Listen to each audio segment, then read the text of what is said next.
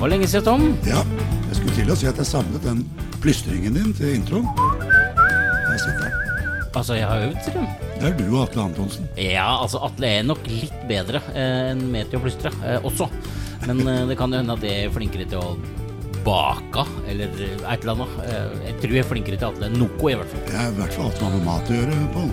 Ja, Vil det jeg kan tro. hende han er like god til å spise. Ja, det tror jeg.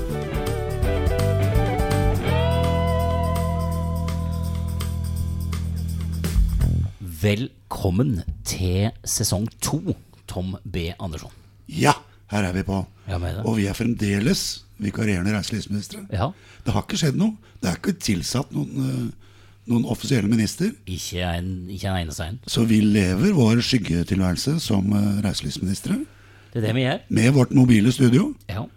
Og har tatt turen til eh, Tigerstaden. Ja, her er vi. Og hvorfor har vi ikke tur til Tigerstaden? Jo, fordi at landsens hest og byens eh, Hva du kaller det? Du har jo sånne der dikt du aldri kjenner på hvem som har skrevet, til deg som har lytta på podden Jo, jeg vet hvem som har skrevet det. Å, har du kommet ja, på det nå? det er Bjørnstjerne Bjørnson. Å ja, skal jeg spole tilbake? Hvis du nå går tilbake til episode tre, du som hører på, så kan du høre at Tom B. Andersson ikke er helt sikker på om det var han. Men nå Nei, jeg du husker, jeg husket ikke hva diktet het. Å, men hva heter det? Eh, takk. Kan jeg få neste Ja, nettopp. Vi går, vi går kjapt videre der, altså. Vi gjør det. Ja.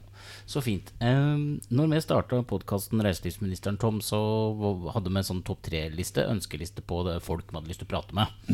Eh, og der sto uh, Per Arne Tuftin. Ja. Han uh, hooka meg inn. Uh, satt i restauranten på Scandinavian SAS uh, Olsenbanden-hotellet. Yep.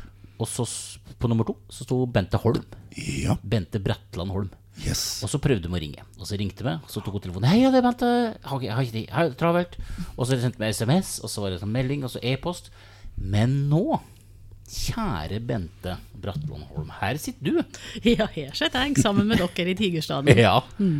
Hei, Hallo. og velkommen til jeg holdt på å si egen by, for du, du bor jo og virker her. Jeg bor ikke i Oslo, faktisk. Nei, det- Jeg er bare fryktelig glad i byen, men jeg bor i Asker. Ja, ja, og ikke sant, for der har du den, ja. For jeg tror at alt uh, nedenfor Hønefoss i Oslo er, vet du.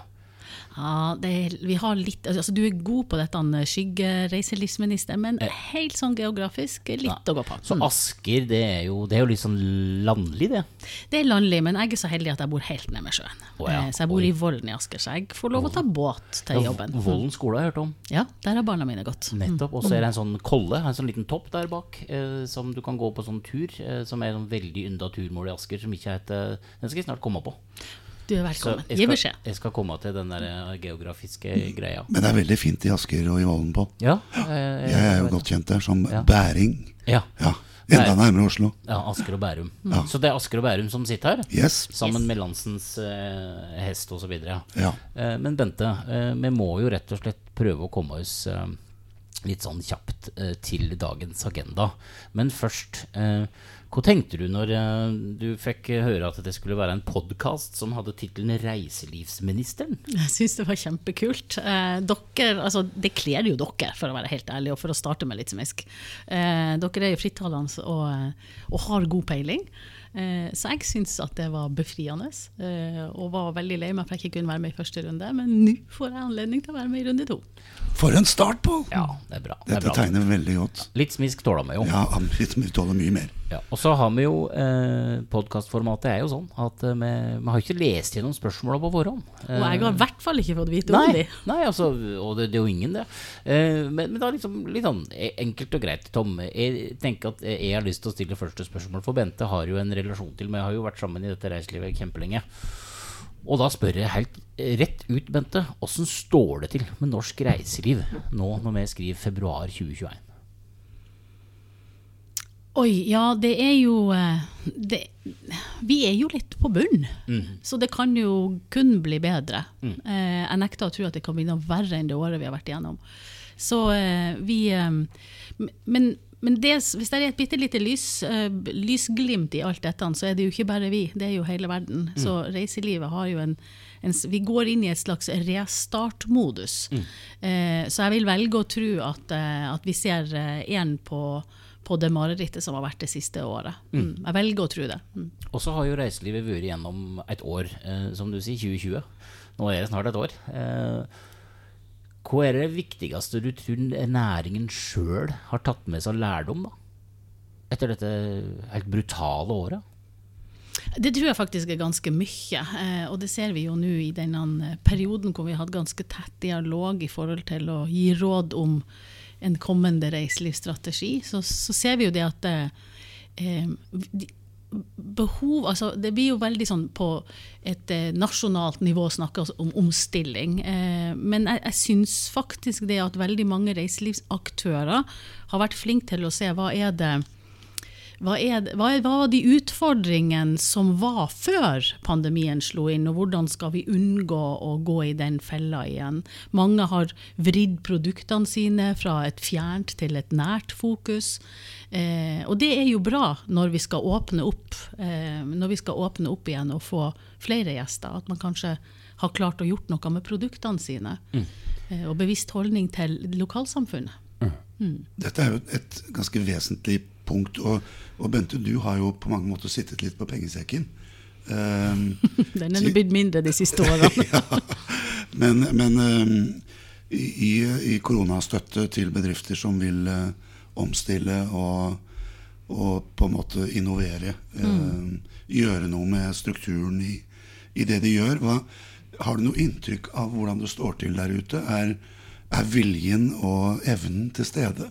Hos de ulike bedriftene som søker om støtte? Ja, definitivt. Nå er det jo heldigvis ikke jeg som sitter og mottar disse søknadene, men det er, jo, det er jo veldig mye av dette har jo gått, har vært delt ut gjennom Innovasjon Norge. Mm. Innretningen settes av departement og, og myndigheter. Eh, men det jeg hører fra de saksbehandlerne eh, som jobber på reiseliv, det er at det er jo stor kreativitet, det er stor vilje til eh, å gjøre nye ting. Bruke, eh, bruke, den muligheten som gis til å, å teste ut nye produkter, nye eh, måter å jobbe på. Eh, må, eh, nye måter å se på seg sjøl som en del av en, en, en, en samfunnsaktør. Så det er, der, der er masse godt der ute. Eh, det må jeg virkelig si. Og noen som virkelig har sagt sånn Wow, dette er helt nytt. Dette hadde vi ikke tenkt på. Mm. Og, eh, har, du noen eksempler? Nei. Nei. Så det Men, men jeg, jeg, tenker altså, sånn, sånn, generelt altså, fra reiselivsnæringen, altså, eksempler på det liksom, Det er jo i det du sier. Altså, det mm. er jo nye strukturer, nye måter å tenke på. Det er jo bra fordi det var jo en når vi gikk inn i pandemien 2020, da, sant, så var det jo en reiselivsnæring som blomstra. Som hadde mm. brukt 15 eh, gode år på å bli kjempegode eh, mm. internasjonalt og brukt penga riktig da, på veldig mange områder. Så det var jo en næring som eh, var full av sjøltillit og med breie skuldre og dundre inn, og så stoppa det helt opp. Og, men det, noe av den sjøltilliten og egenskapene er jo fremdeles der. Ja, definitivt. Men jeg må jo si at vi var jo ikke uten utfordringer før pandemien starta. Eh, og, og, i januar i fjor eh, så, gikk, så, så vi liksom Så, så sto jeg eh, og snakka om at nå møter vi det sjette år på rad med vekst eh, i internasjonal turisme. Den norske hadde vært stabil over lang tid, men, men eh, nordmenn bruker for lite penger når de er på reise i Norge.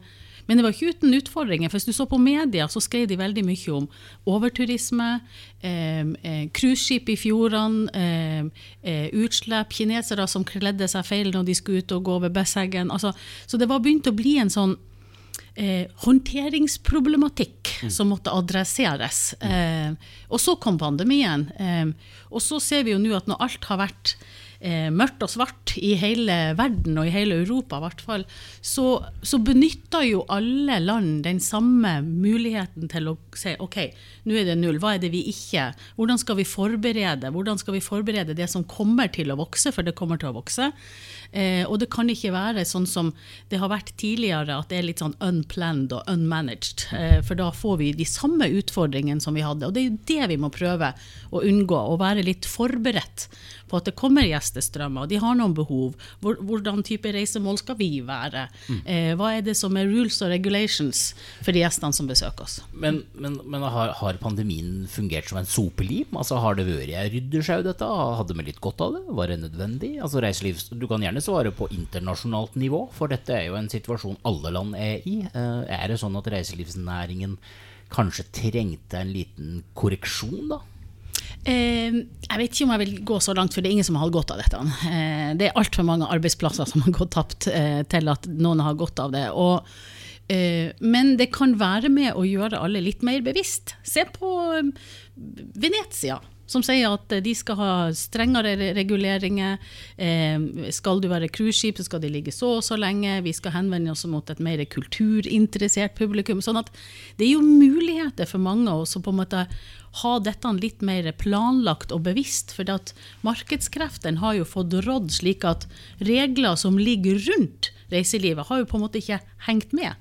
Eh, sånn at eh, sånn nå har vi kanskje muligheten til å en, sette ting litt mer i struktur og system. Mm.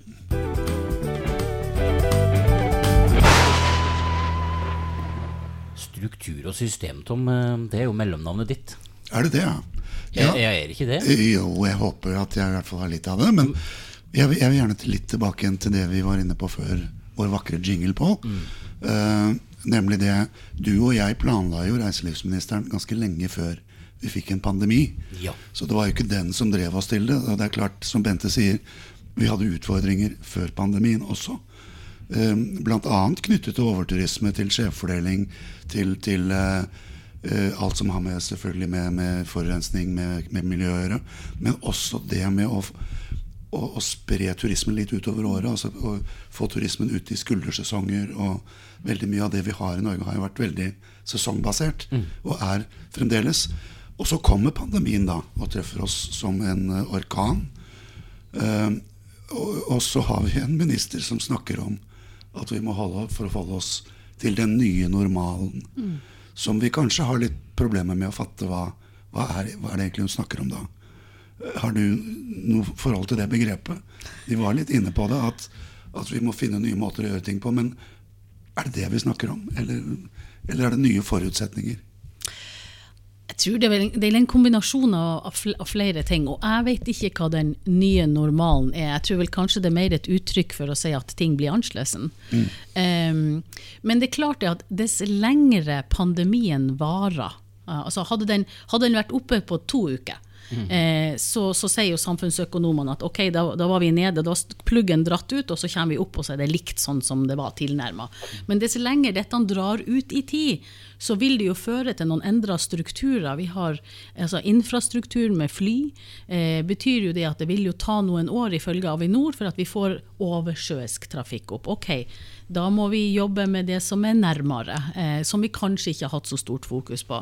Sånn at helt hva den nye normalen blir. For vi, vi, prøver jo å overvåke også hva eh, og som vi prøver å gjøre gjennom eh, undersøkelsene som vi har ute. Hva, hva betyr denne pandemien for valgene de som skal reise hit, kanskje skal reise hit i fremtiden, for hvilke valg de tar. Vil de bestille på samme måte? Eh, har pandemien gjort noe med oss når det gjelder trygghetssøking, plass? eh, politisk stabilitet. Så, og alt dette vet vi jo ikke helt ennå. Så, så, hva det er som kommer ut i andre enden, eller om det blir slik at vi bare kjører på og gjør det akkurat likt som før. Så, men vi, jeg tror bruket av den nye normalen handler litt om at man er rusta på at man, det er ikke bare å plugge inn strømmen igjen, og så blåser man livet i akkurat det samme. Det vi, forutsetningen er borte. Men, men, når du sier det, da, så sitter jo noen som hører på podkasten vår, og så tenker jeg at ok, eh, der kom det et sånt der, litt sånn bomullsvar igjen. altså veit du, Bente, som er direktør for reiseliv, altså veit du noe vi ikke veit? Altså, har du noen kanaler som sier at ok, 17.6 ser det ut som at altså, er, Eller er alt så usikkert? Som det eh, helseminister Høie og statsminister eh, liksom Solberg og alle så Det, det virka som det er liksom legger seg, og så kommer det på noe på morgenen, og så blir det nye kriterier, og så blir det nye sånn, og så blir det nye sånn. Veit Innovasjon Norge mer enn næringa, eller sitter de og må ta dette på hæren, de kan nå? Du, vi vet ingenting mer, og jeg beklager hvis det blør i, men, men en, en, liten, en, en liten fortelling for å beskrive hvordan det er. For i, i mars så stengte det jo ned. Eh, vi trakk ut pluggen, det var stopp, det var stengte grenser. Og så begynte diskusjonen kanskje vi kan åpne mot Danmark, kanskje vi kan åpne mot Tyskland i løpet av sommeren. Vi rigga kampanjer, kjørte ut, gjorde markedsundersøkelser på hvordan vi skal treffe, eh, oppdaga nye ting som vi kanskje tror vil bli forsterket forsterka fremover. Og så kjørte vi kampanje, og så, når vi kom, og så tenker jeg nå nå kommer det tilbake til normalen. Og så kommer vi til 7. september, smekk, da stenger det igjen. Og sånn er det jo litt sånn opp og ned. Så jeg skulle så inderlig ønske at jeg kunne sette og si ja, ifra da, da ser vi opp og fram. Det vi kan gjøre for å være mest mulig rigga den dagen vi får lov, det er jo å være ute med undersøkelser som gjør at produktene i Norge er best mulig rig- rigga. Destinasjonene, reisemålene er best mulig rigga til å ta imot nye preferanser, nye, eh, nye ønsker eh, fra de gjestene som skal komme. Og det starta vi med etter påske, for vi tror ingenting kommer til å åpne sånn helt plutselig. Så etter påske så går vi ut i de viktigste markedene rundt omkring i Europa og spør litt om har dette endret seg, hvordan vil du booke eh, i framtida. Vi, vi så jo tidlig i fjor at dette med plass en viktig ting for de som vurderer å reise på ferie nå rett etter pandemien. Um, eh, og det tror vi faktisk er blitt enda viktigere. Så alt det vi kan dele om behovene til de som kommer, det må vi jo dele. Det skal vi dele. Men akkurat like ullen som alle andre om når vi kan få gjøre det. Jeg beklager at jeg er Men, men i halen av det, og det er et spørsmål som mange er opptatt av, hva tror du om sommeren? Altså, Får vi utlendinger hit? Eh, Hvis ikke, vil nordmenn gjøre som de gjorde i fjor, og bruke eget land? Eh, Har du noen slags tanker om hvordan sommeren kommer til å se ut? Um, jeg håper jo at flest mulig nordmenn gjør som de gjorde i fjor. Og det var en eh, vidunderlig vridning å se på Altså, Nordmenn har alltid vært de som har vært flest. Altså, de, har jo flest gjestedøgn i, i løpet av sommeren i Norge, men nordmenn har vanligvis ikke brukt så mye penger. I fjor så brukte de feriebudsjettet sitt i Norge og kjøpte opplevelser og oppdaga og testa nye ting. Jeg skulle jo ønske, Men samtidig så har jeg forståelse for at det er et oppdemma behov for å reise ut også.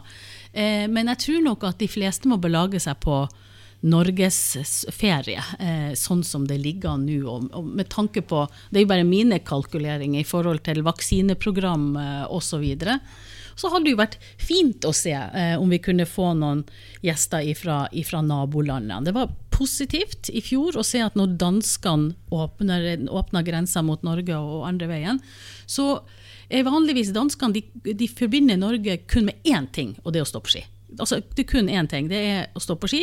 Eh, og så kommer de og oppdager kultur og byliv, og at vi har landlig luksus, at vi har en del sånne ting som gjør at oi, eh, da har vi på en måte en ny målgruppe også i nærmarkedene våre. Så jeg tror sommeren vil bli veldig mye nordmenn. Eh, og er vi ordentlig heldige, så får vi kanskje litt fra Danmark. Og Der, der har jeg et lite oppfølgingsspørsmål, Pål, hvis jeg får lov. Du ser veldig klar ut. Ja, nei, altså, du, du gjør jo litt som du vil, da. Du, du er liksom Du er reiselivsminister eh, vikarierende, så du gjør rett og slett som du vil. Altså. Ja, det er sant det, men vi er jo to, så vi, det er liksom Ja, ja. greit å lunke til hverandre. Ja.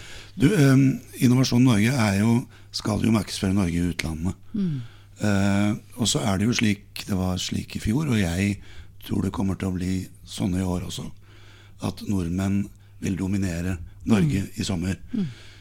Har dere forandret noe på mandatet midlertidig, eller uh, fortell litt om det? Fordi, og nå snakker jeg for min syke mor, Bent, og det, det tror jeg du vet. Ja. For jeg blir jo aldri invitert på presseturer av Innovasjon Norge.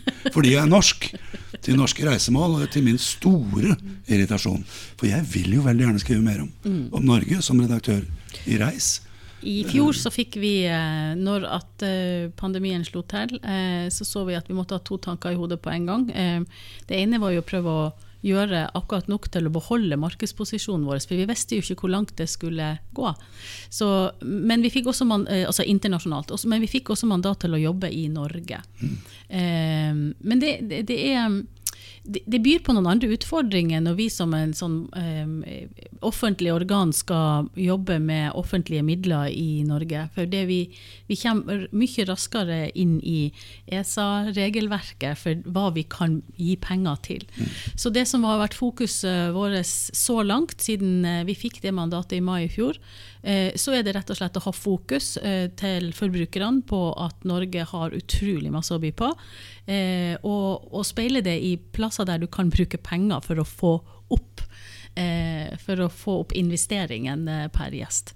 Men det vi gjør nå, det er jo det at alt vi lager, lager vi for eh, altså, så det skal kunne funke. Vi snakker jo om eh, målgruppe her, og målgruppen eh, og interesse og segmentene er jo eh, lik en, over, over landegrensen, så vi gjør jo det slik nå at alt vi lager skal også kunne tas ut i Norge. Eh, og frem til nå så har det jo kun vært kjørt i Norge. Jeg har lyst, bare, jeg, også, Paul, jeg, jeg må gjerne skryte litt av dere. Fordi jeg som mottaker av, av informasjonen ser en klar dreining. Og jeg, jeg, jeg har fått så mye bra fra dere de siste månedene, så kudos. Så bra. Takk. Og, og, og for en da som bor oppe i Gokk, og som er landsens hest, eh, og har reist i alle minus 17 kommuner, eh, så er det jo sånn at det er jo der ute, i dette landet, at norsk, norsk reiseliv er som aller best. Mm. altså i alle kriker og kroker. Um, har, har du merka noe forskjell på det? Altså Har krikene og krokene blitt viktigere? Vi ser uh, dette nye buzzordet 'vacation'. Uh, det er jo ikke måte på uh, hvor mange eh, an, an, ja, anslagsvis i hvert fall som skal på det. Man ser at disse små stedene har fullbooka. Du nevner dette med plass, romslighet, du nevner dette med sikkerhet. Er, det, liksom, er det en varig endring, tenker du? Altså vil Jeg vet at folk skal til Granca eh, og danse og drikke paraplydrinker, jeg skjønner det. Uh, selv om ikke jeg skal dit sjøl, så, så har jeg respekt for det, bare så det er sagt. Men ha, kommer det til å bli en varig endring? Tenker du at dette er noe som kommer til å stå litt igjen i nordmann? Nei, Fader ulland, ass. Det er digg å være på Smøla. La oss stikke til Alta en tur til. La oss oppleve Sognefjorden. Liksom. Mandal, ja. Stemmer det? Altså, Er det litt sånn, eller er det blaff? Jeg tror, jeg, jeg tror det vil være mer sånn. Eh, Jeg tror, ikke, jeg tror alle vil Og, og det ser vi jo altså Alle nordmenn eh, har jo nå på en måte oppdaga Norge på en ny måte, eh, må vi jo si. For krikene og krokene og plassen og tretopphytte og alt var jo på en måte veldig etterspurt. Og de, når vi ser hva de søker etter, så er det fremdeles den type søk som foregår for inneværende sommer. Eh, sånn at det, det tror vi vil være eh, en, en ny opplevelse av Norge som ferieland. Hovedferien kan godt hende at den går et annet sted, men at man er flinkere til å ta turer til, til Tromsø på weekendtur istedenfor København. Jeg har oppdaga det at nordlys og vinterturismen og huskysafari, altså alle disse tingene som kanskje blitt liksom, det, det nærmere er blitt litt viktigere, og da mener jeg ikke nærmere i avstand nødvendigvis, men nære opplevelser. Eh, og det ser vi også på noen av de internasjonale rapportene vi har lest om at eh, eh, at forbruker kanskje vil ha en mer bevisst holdning til handle lokalt, eh, ta litt mer bærekraftige valg. Den hypen begynte jo litt før pandemien starta. At det handla om Vi snakka om flyskam, vi snakka om eh, at eh, unge reisende i framtida vil ta, ta valg basert på bærekraftige reisemål. Og det kan være at denne forsterker seg nå, når vi kommer ut av pandemien på, på andre sida. Og så ser en jo i, i nisje, da, som jo har vært snakk om lenge. ikke sant? Eh, Så, og, og sånn. Dette det er en påstand, eh, så må jeg høre hva du tenker om det. Altså, jeg tror at folk kommer til å altså Det at det er forsterka, det er én ting. Men jeg tror at folk kommer til å bytte ut langreisene sine eh, med interessebaserte og verdivalg. da. Mm. altså Når en snakker om segmentering i marked og man snakker om alt dette her Jeg er så heldig at jeg får lov til å jobbe med noe som heter Visit Plura eh, i Mo i Rana. Og Ina og Janni som driver der, driver med grottedykking. Relativt eh, eksklusivt. Eh, sært nisjete. Eh, når jeg var oppe der, så var det altså tre kompiser eh, fra Bærum, eh, Oslo og Asker, eh, som kjørte 13-14 timer i bil med bilen full av rigg, og tilbringte da all sin tid og brukte all sitt, altså hele sitt budsjett istedenfor Mexico-turen.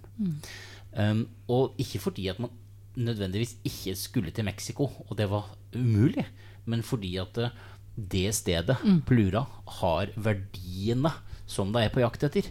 Og hvis den da går fra nisje til nisje i dette her nisjelandet, eh, Norge, så er det jo mange sånne ting som jeg tror kan forsterke seg. Fordi i det du sier nå, Bente, så ligger det jo en sånn derre veldig mye mer tydeligere verdibasert eh, reisemåte. da. Er det noe som eh, stemmer det med disse trendene og det Rikon har innsikt i? eh? Ja.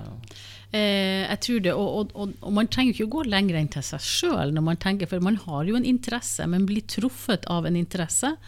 Eh, og vi tror jo det at du altså, Selv om du kommer ut av pandemien på andre sida, du har ikke skifta interesse. Du er fremdeles Ja, interessert i det du var interessert i før. Og kanskje mer. Og kanskje mer, og kanskje du leter etter et sted litt nærmere du nettopp kan få utfolda deg på det du er interessert i.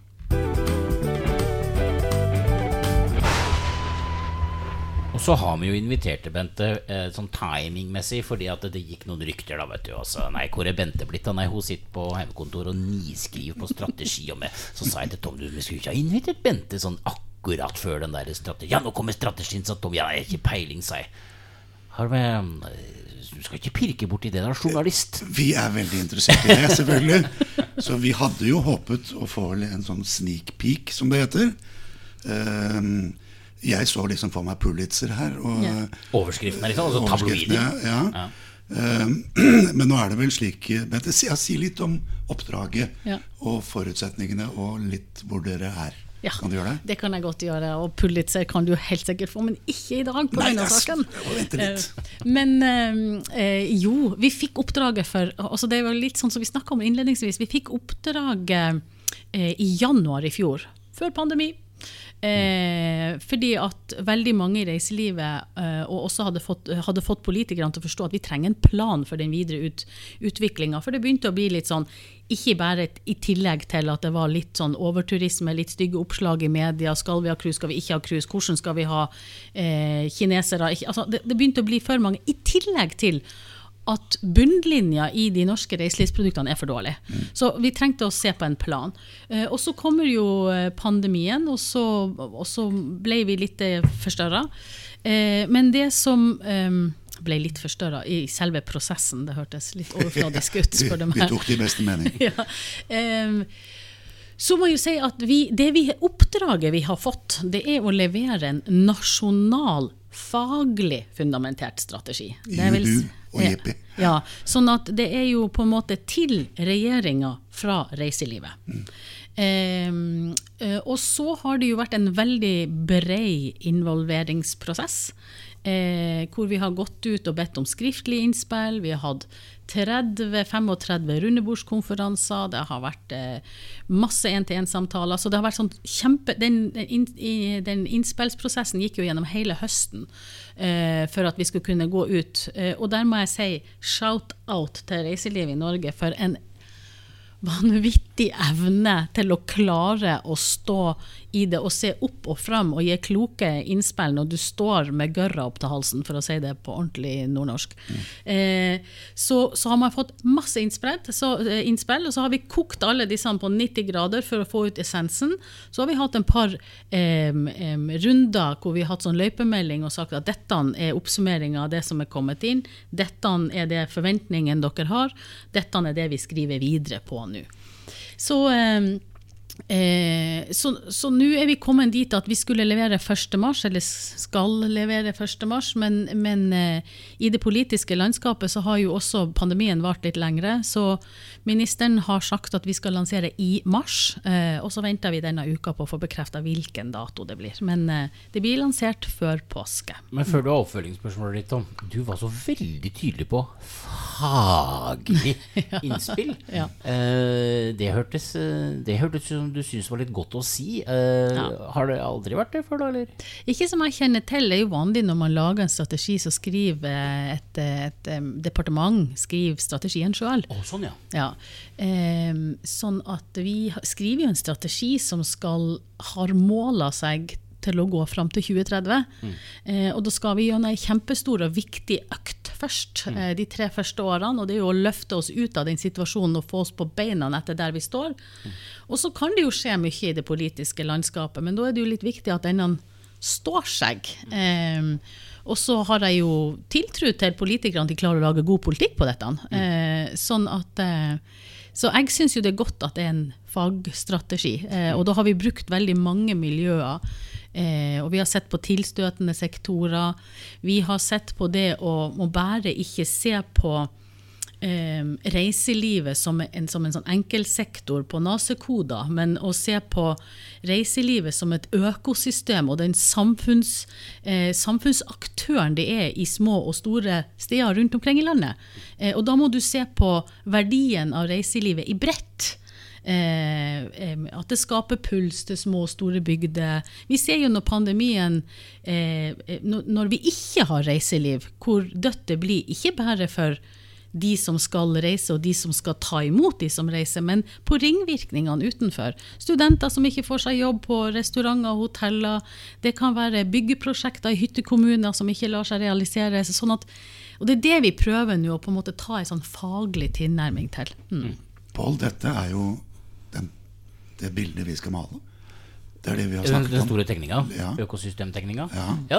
eh, den tegninga driver vi jo på sett og vis verbalt og har tegna litt i noen episoder. Ja. Og det har jo også vært litt av grunntanken i å påta seg vikariatet for reiselivsministeren. Så definitivt. Eh, også, liksom, men når du da sier faglig, så er det jo, det er jo veldig fristende, Bente. Så jeg eh, føler jeg kjenner det litt. eh, og spør liksom hvor mange med fagbrev eh, eller relevant erfaring har, står på lista di, da? Er det, liksom, er, er det fem? Eller når du sier det er liksom en, en sånn grundig eh, forankring der? Altså, De som hører på podkasten, vet kanskje ikke hva du mener med det. Er det har du snakka med to, eller har du fått ett innspill? Du, du ga liksom kudos til reiselivsnæringa. Hvor, snak- hvordan snakker man? Er det side opp og side ned? Jeg fikk med meg at uh, min gode venn Ronny på Svalbard eh, hadde sendt inn. Uh, Venninne Line Renate fra Lofoten hadde sendt inn. Uh, og jeg har sett flere. Men liksom, når du sier dette nå, er det, er det en haug med innspill, eller? Jeg, jeg, sånn, eh, hvis du vil ha det på oppramsing Det er 170 skriftlige eh, innspill. Ganske omfattende en del av ta- fra de som har tatt for seg hele økosystemet eller ønsker eller tiltak til forbedring. Så har vi hatt 30 rundebordsdiskusjoner, rundebordskonferanser med ca. 15-20 deltakere i hver. Eh, så har vi hatt én-til-én-intervjuer med fylkeskommunene. Så har vi hatt fylkeskommunene i to runder til eh, for å stemme av. Hvis vi sier sånn, og, går i den, hvis det er fakta, og det, så stemmer av retninga underveis. Eh, og så har vi hatt eh, 70 én-til-én-intervjuer med fagpersoner eh, rundt omkring, inkludert noen av de i eget hus og ute på utekontorer. Så har vi tre runder hatt avstemming med Strategisk råd for reiseliv, som er 20-talls personer som sitter som et rådgivende organ. Så har vi vært i dialog litt med sånn andre direktorater, og Riksantikvar og Miljødirektoratet osv. Eh, underveis, for å stemme av at vi ikke tolker innspillene feil. Så det som var viktig for oss i begynnelsen, det var jo at når vi fått alle innspillene, så var det jo å konkretisere det og gi alle de som har gitt innspill i løypemelding. Ok, dette er de åtte punktene dere har samla dere om at vi må adressere. Og dette er forventninga. Speak out now hvis dette er feil. Så, så vi tror vi har gjort en veldig grundig prosess. Bente, vi, vi snakket litt sammen før opptaket. eh, og, og vi snakket litt om at vi gjerne ville pirke litt eh, og, og få ut litt informasjon. Og så skjønner jeg jo at statsråden eh, ønsker å få informasjonen før den går ut til andre. Uh, og det får man jo i og for seg motvillig eh, akseptere og respektere. Som en annen statsråd, tenker du? Som en annen statsråd. Fra én statsråd Ja, til en annen, liksom. ja, nettopp, ja. Ja. Eh, Men et spørsmål syns jeg er interessant, og det er Hva tror du det politiske miljøet hva, hva tror du reaksjonen blir når de får din rapport? Kommer de til å motta den med glede, eller ja, det håper jeg virkelig, for de trenger den. Ja. De trenger en plan. Så, og det er jo stor jeg kan jo si det, det er jo, det er jo stor politisk interesse for det arbeidet nå. eh, og spesielt siden at alle politikere, uavhengig av departement eller ansvarsområde, kjenner jo på dette at reiselivet ble truffet hardest, hard, hard, hardest og, og først og, og vil ramme lengst. Som, sånn at det blir litt sånn mer enn en sånn saying som ja, ja, vi forstår det. men her, folkens, hvis vi skal leve av dette, hvis vi skal ha puls i bygd og by rundt omkring, så er dette godt for små og godt for store strøk. Og, og her kan det være noe som kan funke som en plan. Så jeg tror det vil bli godt mottatt. Det er i hvert fall mange som har vært med og syns det er viktig. Og så er det- jo flere embetsverk. Eh, ja. Altså det, det er jo et stort embetsverk eh, med flere avdelinger og flere korridorer. Eh, Sjøl skal jeg på en innspillskonferanse med kul, nei, Kommunaldepartementet eh, denne uka. eh, Og snakke om lokal mat, da, så jeg engasjerer meg i det. Er det sånn at du eh, har like og når jeg sier du, altså som direktør for reiseliv i Innovasjon Norge, føler du at reiseliv har har vi gått opp et knepp i anerkjennelse? Har vi blitt viktigere? Skjønna Landbruks- og matdepartementet? Vil Kommunaldepartementet? Skjønna øh, holdt jeg på å si, kollega øh, Linda øh, i Distriktsdepartementet dette nå? Altså, er det, er det knepp opp? Ja, det tror jeg. Fordi at vi ser konsekvensene nå. Eh, og vi ser konsekvensene av eh, altså, Og vi ser altså Det er mye lettere å få eh, politikere og andre til å forstå at dette handler om et økosystem. Eh, og, og vi har vi, det, det, vi ligger jo inn under nærings- og fiskeri, men, men, men det er jo like mye samferdsel, og det er like mye mat, og det er klima og miljø, og det kommunale, ikke minst. Og fylkeskommunene har en kjempeviktig eh, rolle eh, for næringsutviklinga si lokalt. sånn at eh, jeg tror det er større forståelse for det nå enn det var da vi fikk oppdraget. Forst- Forståelse, ja. Men er det koordinasjon, Bente? Ja, det kommer vi til å foreslå i strategien. Det håper jeg da inderlig. Koordinasjon, ja. Eh, Det hørtes litt øh, skummelt ut. øh. Ja, nei, men, hva tenker du på? jo, Pål, altså, dette økosystemet som Bente snakker om, Ja. og som vi har snakket om nesten til det kjedsommelige Ja. i her i reiselivsministeren, ligger jo nettopp i det at reiselivet er ikke et flyselskap, en hotellkjede og, en, og en destinasjon, et destinasjonsselskap. Nei. Reiselivet er et stort økosystem. Mm. Hvor å bruke et, et ord, et groord, alt henger sammen med alt. Ja. Uh, og, og det er jo hele årsaken til at vi dro i gang reiselivsministeren. Nettopp at vi var frustrerte over at spesielt det, polit det politiske Norge ikke så økosystemet. Kjenner ikke sammenhengene. Så, så vi mener jo, og det står vi på fremdeles, at Pål og jeg fyller en funksjon som burde ha vært fylt, eh, fylt i det offentlige. Ja, det er helt fantastisk. Og jeg tror, eh, men, men jeg tror reiselivet også em, trenger å forstå at vi er et, altså et økosystem. Reiselivet selv, ja. Ja, reiselivet Ja selv trenger definitivt det, å forstå det. Fordi at eh, vi, vi, av og til så snakker vi oss som en sektor, og av og til som noe mer. Eh, og, det, og det kan godt hende at det er riktig, men det vi tror vi prøver å å, å, bidra til i denne strategien, det er å forklare, liksom, for det blir et sånn sammensurium. Hvem har ansvar for hva, hvor skal ting løses? Og prøve å rydde litt i dette og si hva er et ansvar, eh, og hvilken rolle har man på forskjellige nivåer? Og hvordan skal denne samhandlinga være for at det skal, at det skal kunne funke i, i framtida? Mm. Det er jo Altså, jeg vet ikke om du Kjenner du igjen den her, Tom? Ja da, det er koronavarianten. Altså for, for, for Bente, du er jo gjest her for første gang, og du har lovd å komme tilbake, men denne her, den er jo litt dyster. Og det går omtrent sånn. Pandemien. Iscenesatt av Tom B. Andersson. Eh, altså, det er jo pandemien og sånn. Ja Jeg har Bente her. Er det? Sjefen over alle sjefer for reiselivet i Norge. Ja, eh, jeg tror vi glemte å introdusere Bente med tittel. Altså da vi begynte Du har, gjort det, du har gjort det underveis. Var så ivrig, altså. Ja, men det er også noe med det at, at eh, Bente er jo kjent av alle i norsk reiseliv. Og, og så tenkte jeg kanskje det er to, der, to stykker der ute som ikke kjenner Bente. Ja. Eh, men jeg tror de to stykkene kjenner deg nå. Så det, Det er bra. det, Men, men, det er men, men jeg har likevel lyst til å ta, ta altså, Nå har vi liksom tatt den der gro, den litt dystre tonen. Men du, kjære Bente Bratland Holm, du er jo eh, det fyrverkeriet norsk reiseliv på sett og vis har fått lov til å, å, å se på, å og høre og lytte til. Åssen har det vært å være Bente? Eh, Du som jo vanligvis står på scene, ikke i ro. Eh, Du går mer fram og tilbake og helt foredrag i et forrykende tempo og prater på inn- og utpust. Det er nordlending. blablabla. Åssen har det vært å være Bente da, i disse tolv månedene med pandemi? Det har vært med, det har vært eh, For meg det, som person har det vært helt greit. Eh, jeg har min jobb, jeg har min eh, familie, og vi har ikke vært noe ramma noe hardere enn noen andre. Eh, jobbmessig så har det vært em, mer jobb enn noensinne. Eh, vi gikk inn i 2020 med et kjempedigert budsjettkutt. Skulle redusere bemanninga. Så, uh, og allerede i mars så kommer pandemien, og du får veldig, veldig, veldig mange nye oppgaver som du skal hjelpe mm, departementet med i en situasjon de aldri har vært. De må ta beslutninger som de ikke ante at de måtte ta. Eh, så man har jo jobba mer eller mindre som en direktorat for eh, departementet. Men jeg eh, har sagt til min kollega Audun Pettersen når vi legger på Teams-møtene eh, klokka tolv om natta, at hvis det kan være med å bidra til at én klarer seg, så er det verdt det.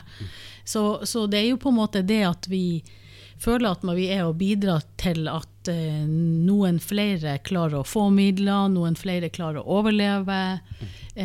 Så, så det har jo vært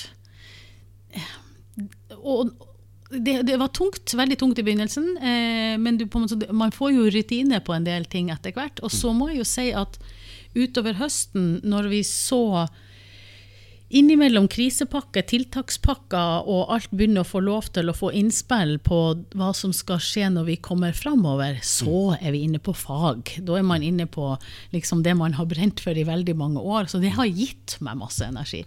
Så, eh, så eh, hvis jeg kan få rydda det viruset av veien nå, så tror jeg det skal bli utrolig gøy alt framover. Det tror jeg òg. Men eh, vi var litt inne på tidligere uh, dette med på en måte, Pål, du spurte uh, har vi lært noe av trengte vi pandemien, har vi lært noe av den osv. Og, mm. og da er jo en, en naturlig ting å spørre deg om, Bente. Kan du se noe utvikling i den politiske forståelsen for reiselivet som er aksentuert av pandemien? Ja. Gikk vi fra uvitenhet til litt mer? Vår påstand Paul, er jo at det har, har vært nesten uvitenhet tidligere. uh, I hvert fall close to. Men har, har, kan du se, du som har hatt kontakt med det politiske miljøet hele tiden, ser du en utvikling i forståelse av hvordan ting henger sammen? Og hvor viktig reiselivet er for Norge? Ja, eh, det ser jeg. Eh, og jeg ser jo at eh, det er flere politikere i bredt som kommer og spør om ting. Eh, for å få verifisert eller for å få påfyll. Eh, mer enn det har vært før. Og så må jeg jo si at vi har jo på, i reiseliv altså Akkurat nå så er jeg jo veldig glad for at vi skal levere denne strategien i mars. Det er valgår. Reiselivet er viktig for folket. Det som blir viktig for folk, blir viktig for politikerne. Så nå ser vi jo fraværet, hva det betyr, eh, i stort og smått. Både i, det, det er trist å gå ned denne gata her og, og gå inn på plasser som vi er eh, som vi er nå, og det er trist å se at det er ikke noe puls lenger i bygd og by. Så vi må bruke denne anledninga i fellesskap. Både vi som sitter tett på, og de som sitter tett på lokalpolitikerne. For jeg tror ikke forståelsen er noe særlig mye større der enn den er på Stortinget. Men Tom Ja. B. Andersson. Det er meg.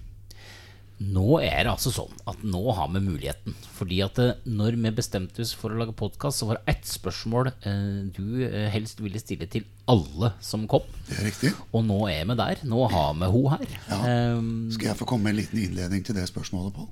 ja det syns jeg du, det syns du skal, for nå må du begynne å forberede deg på det. Ja, fordi jeg, nå, nå lukter jeg litt Pulitzer her allikevel. Jeg, mente, fordi mot slutten uh, her så, så nevnte du så vidt i den strategien du skal legge frem, at koordinering blir viktig. Da tenker jeg begynner vi å nærme oss en, en uh, reiselivsminister. Er det et koordinerende punkt? Vi skal ikke dra den lenger på, men Nå, nå gnistrer øynene dine. ja, nå gnistrer Og stundom gnistret hans øyne stygt. Ja, ja. Helst mot urolig vær. Eh, men Bente, nå skal du få lov å sette deg i posisjonen som reiselivsminister. Oi. Det er du som har fått stillingen. Du er et regjeringsmedlem, og du har frie tøyler til å gjøre de tingene som du mener er bra og nødvendig for reiselivet. Hva kunne du tenke deg å sette i gang? Hva er de viktigste tingene du kunne tenke deg? Og bare sånn, Nå kjenner jeg Bente ganske godt. Det er de tre viktigste, ikke de 39 du har lyst til å snakke om først. Eh, så, så, så, at det nå, nå har gått 45 minutter, så jeg tenker at men, da må vi begrense Bratland Holm litt. Bra presi- bra presisering på det. Det er for, dette er et spørsmål alle har fått. Eh, og det har vært altså alt ifra det mest vidunderlige, ambisiøse der oppe på himmelen, til helt konkret eh, kompetanseheving i sånn klokka fem. Liksom. Men Bente, tre ting. Hvis jeg var reiselivsminister, så ville jeg eh, først og fremst ha tatt for meg den strategien vi fikk fra Innovasjon Norge. Eh, og så ville jeg fungert som et godt ombud inn mot de andre departementene, som også legger rammebetingelser for reiselivet. Eh, og så ville jeg hatt fokus på å øke samhandlingsevnen, eh, både nasjonalt, regionalt og lokalt. Fordi at hvis vi skal få til dette, så må det en bedre samhandling til. Og den tredje tingen, da. Dette var jo bare to. Nå, du, nå er du veldig beskjeden. Altså, ta, altså, ta, ta egne rekker. da. Nå er du Jeg ville ha satt i gang et stort eh, forskningsprosjekt, eh, sånn Agenda 21-prosjekt. Så vi ser at veldig mange industrier, eller veldig mange sektorer i Norge har fått fart. Eh, både politisk eh, og lokal eh, og nærings- og forskningsforståelse. Når du har fått satt i gang et sånn stort Agenda 21 som går over en åtte-ti år, som forteller hva, hvordan skal vi utvikle sektoren og industrien videre. Altså, Tom, Ja, for en gjest. ja er du gal? Hæ? Og har vi ikke hatt kandidater til reiselivsministeren før, Ja. så har vi det jo nå. Ja, jeg tror kanskje vi har den aller beste sittende hos oss på. Men Bente, åssen har det gått, da? Du har liksom vært her som, på sånn podkastgjest. Det er jo ikke første gang du er i sånn eh, studio, men åssen har dette vært? det, var, det var herlig. Det var, det var gøy å komme inn her. Ingen forberedelser. Jeg møter deg i resepsjonen, sa du. Det Ja. var det jeg visste. Ja, ja. Og så tok vi det derfra. Det var Ja. kjempekjekt. Og, og, og Tom, da, vi er i gang igjen. Det har vært to måneders eh, pause, eh, helt bevisst. Ja, det, Eh, det, det er veldig deilig å være i gang igjen. Ja. Etter litt sånn ja, Du rakk jo å knekke foten, til og med. Du, eh, Altså, vet du hva, jeg brakk foten etter å ha stupt ned en steintrapp. Ikke med vilje, riktignok, men det var litt dårlig landing på det. Begynner å bli en gammel mann? Ja, Svar på spørsmålet. nei! Nei, nei, nei, nettopp. Nei. Men, og så fikk fastlegen min, som jeg var hos, han fikk Ja. korona. Ja. Så jeg ble jo sittende i karantene med brukket fot og Ah, hata av livet litt da Du, på. Men du skal ikke ha det bedre, du enn oss andre. Nei. nå ser alt så meget lysere ut. Spørsmål. Er du på Clubhouse? Jeg er på Clubhouse. Bente Bralland, er du på Clubhouse? Nei, Du er ikke det? nei, jeg sa det i dag tidlig. Jeg må komme meg dit. Dit Men jeg har, har ikke tid akkurat nå. Du skal få en invitasjon, og så skal vi sørge for det. Fordi det som er litt morsomt nå, er at når vi nå lanserer eh, podkastene våre, så tar vi litt sånne direkte, direkte samtaler på, på Clubhouse. Og skal kult. underbygge, overbygge, innbygge, bygge inn, forsterke budskapet vårt, rett og slett. Så vi ses enten på Clubhouse, eller høres på Clubhouse, eller neste uke som podkast. Herre min hatt. Mer live enn det blir det jo ikke Det på. blir ikke det. For en start. For en start, og for en gjest! Og lykke til videre, gutta. Tusen takk for besøket, Takk for Bente. det. Ha det. Ha det.